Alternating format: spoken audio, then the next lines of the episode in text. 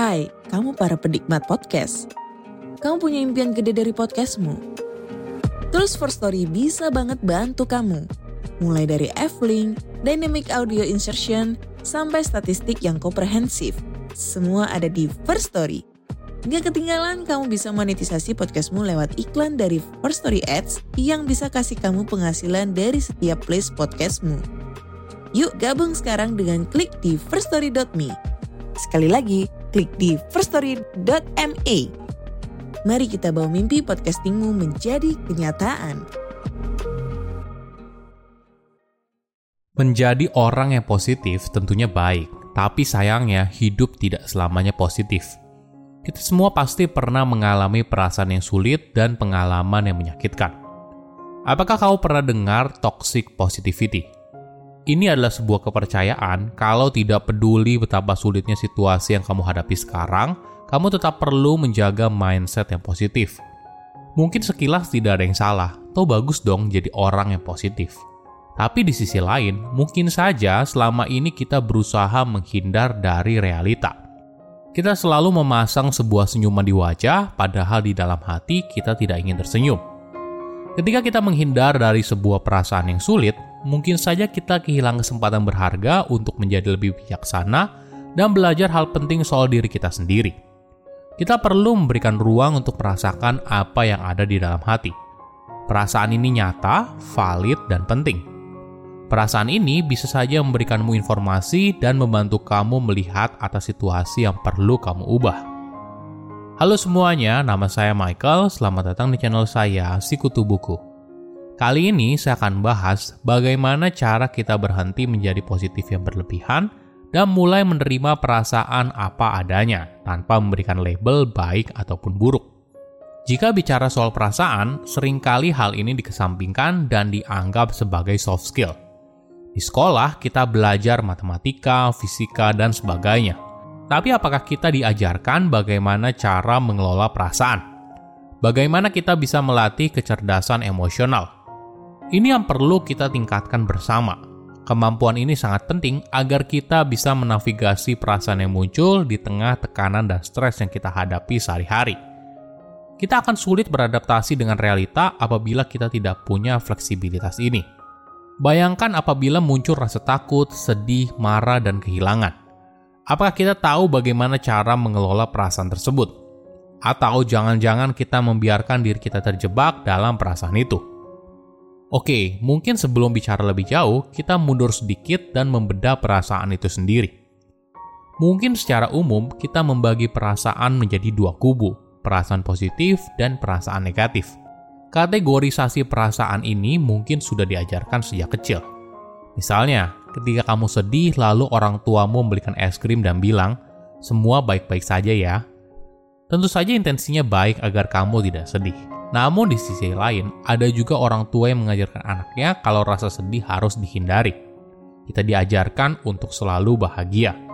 Kedua metode ini sayangnya mungkin saja membuat kita kesulitan dalam menavigasi perasaan kita secara efektif di masa depan.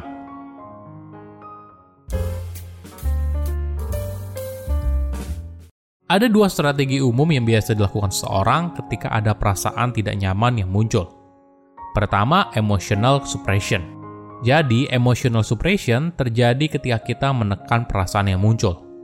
Caranya bisa berbagai macam, misalnya menggunakan pengalihan seperti nonton TV, main game, makan terlalu banyak, atau membuat diri kita mati rasa melalui minuman beralkohol dan sebagainya. Alasannya mungkin karena kita merasa seharusnya kita tidak merasa sedih karena ada orang yang lebih menderita dari kita, atau seharusnya kita lebih bersyukur dan kurangi mengeluh. Lama-kelamaan, perasaan ini terus menumpuk, dan jika dibiarkan terus-menerus, bisa berbahaya. Hal ini dapat mempengaruhi kemampuan kita untuk menghadapi realita hidup, bukan seperti yang ada di imajinasi. Realita hidup di mana ada masanya kita akan patah hati. Realita di mana tidak selamanya hidup berjalan sesuai dengan apa yang kita mau dan sebagainya. Kedua, alih-alih menekan emosi, banyak orang melakukan sebaliknya. Mereka mulai merenungi apa yang mereka rasakan. Kenapa ya saya merasakan hal ini? Ini perasaan yang tidak nyaman. Parahnya lagi, kita justru mencari orang yang merasakan hal yang sama. Lalu kita mulai bicara bagaimana kondisi semakin buruk dan sebagainya. Tapi sayangnya, kita hanya mengutarakan apa yang kita rasakan. Namun, kita tidak belajar bagaimana memahami perasaan ini dari perspektif yang lain. Menariknya, perasaan yang buruk tidak artinya kalau ini juga buruk bagi kita. Mungkin saja kita mengalami perasaan yang tidak nyaman, tapi ada hikmah di baliknya. Ketika kita merasakan penyesalan, bagaimana kalau kita melihatnya sebagai pelajaran untuk membuat keputusan yang lebih baik di masa depan? Ketika kita merasa bersalah, maka ini tandanya untuk melakukan hal yang benar di masa depan. Ini adalah cara yang lebih baik daripada menekan perasaan atau merenungkan hal ini terus-menerus. Kita memperlakukan perasaan dengan penuh cinta kasih, rasa penasaran, dan penerimaan. Bayangkan skenario ini. Kamu baru saja mengalami kedukaan. Orang yang kamu cintai meninggal dunia. Apa yang terjadi? Biasanya orang di sekitar berusaha menjauhi topik ini karena mereka menganggap kalau hal ini akan membuatmu sedih. Ketika ada orang yang tanya, "Bagaimana kabar kamu?" Kamu mungkin menjawab, "Ya, saya baik-baik aja." Walaupun sebenarnya dalam hati tidak. Meskipun begitu, masyarakat secara sadar ataupun tidak berusaha menciptakan kondisi yang baik-baik saja. Ini mungkin saja salah satu mekanisme pertahanan diri ketika ada sebuah peristiwa luar biasa yang menimpa dirimu. Mungkin dari luar kamu terlihat sebagai pribadi yang kuat, tapi di sisi lain mungkin saja ada kebutuhan emosional yang tidak kamu penuhi. Kamu menghindari realita yang ada di depan matamu. Kamu berusaha menampilkan sisi sebagai orang yang positif Sayangnya, hal ini tidak membuat kamu jadi pribadi yang lebih kuat. Ketika kamu menghindari perasaan yang sulit, maka kamu mungkin saja menjadi pribadi yang kurang bijak dan kurang belajar. Karena kamu tidak bisa mengatasi ketidaknyamanan yang muncul dari perasaan yang sulit. Namun tentunya ini bukan artinya kita tidak boleh jadi orang yang optimis. Perlu kita sadari, optimisme lahir dari keinginan kita untuk menerima kenyataan Optimisme lahir dari kepercayaan kalau masa depan bisa lebih baik. Tapi di sisi lain, kita berusaha untuk menciptakan hal tersebut bukan hanya sekedar menjadi orang yang positif. Bagaimana cara kita bisa menghadapi positivisme yang berlebihan? Pertama, menjadi realistis atas apa yang kamu rasakan. Ketika menghadapi situasi yang sulit, wajar kok jika kita merasakan begitu banyak perasaan, mulai dari rasa cemas hingga rasa takut. Akui perasaan yang muncul. Hal ini memang tidak mudah, tapi ini merupakan langkah pertama yang penting. Mungkin kamu bisa mengkomunikasikan apa yang kamu rasakan, atau kamu bisa menuliskannya. Menurut sebuah studi dari UCLA, mencurahkan perasaan dalam bentuk kata bisa membantu mengurangi intensitas perasaan yang tidak nyaman termasuk marah, sakit, atau kesedihan. Kedua, wajar apabila kamu merasakan lebih dari satu. Jika kamu menghadapi sebuah tantangan, mungkin saja di satu sisi kamu merasa cemas terhadap masa depan, tapi di sisi lain kamu berharap kalau kamu akan berhasil. Perasaan bisa jadi sangat kompleks, dan ini adalah hal yang wajar. Semakin kompleks sebuah situasi, maka mungkin saja semakin kompleks apa yang kamu rasakan.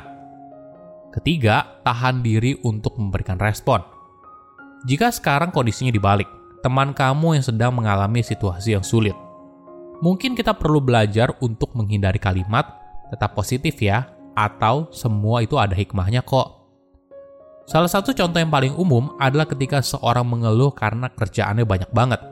Mungkin saja ada yang komentar, bukannya bersyukur, masih untung punya kerjaan.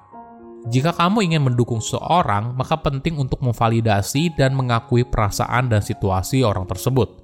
Artinya, kamu belajar mendengarkan apa yang mereka sampaikan, empati atas perasaan yang mereka hadapi, dan tawarkan dukungan apabila mereka membutuhkan. Silahkan komen di kolom komentar pelajaran apa yang kalian dapat ketika tahu informasi ini. Selain itu, komen juga mau tahu informasi apa lagi yang saya review di video berikutnya.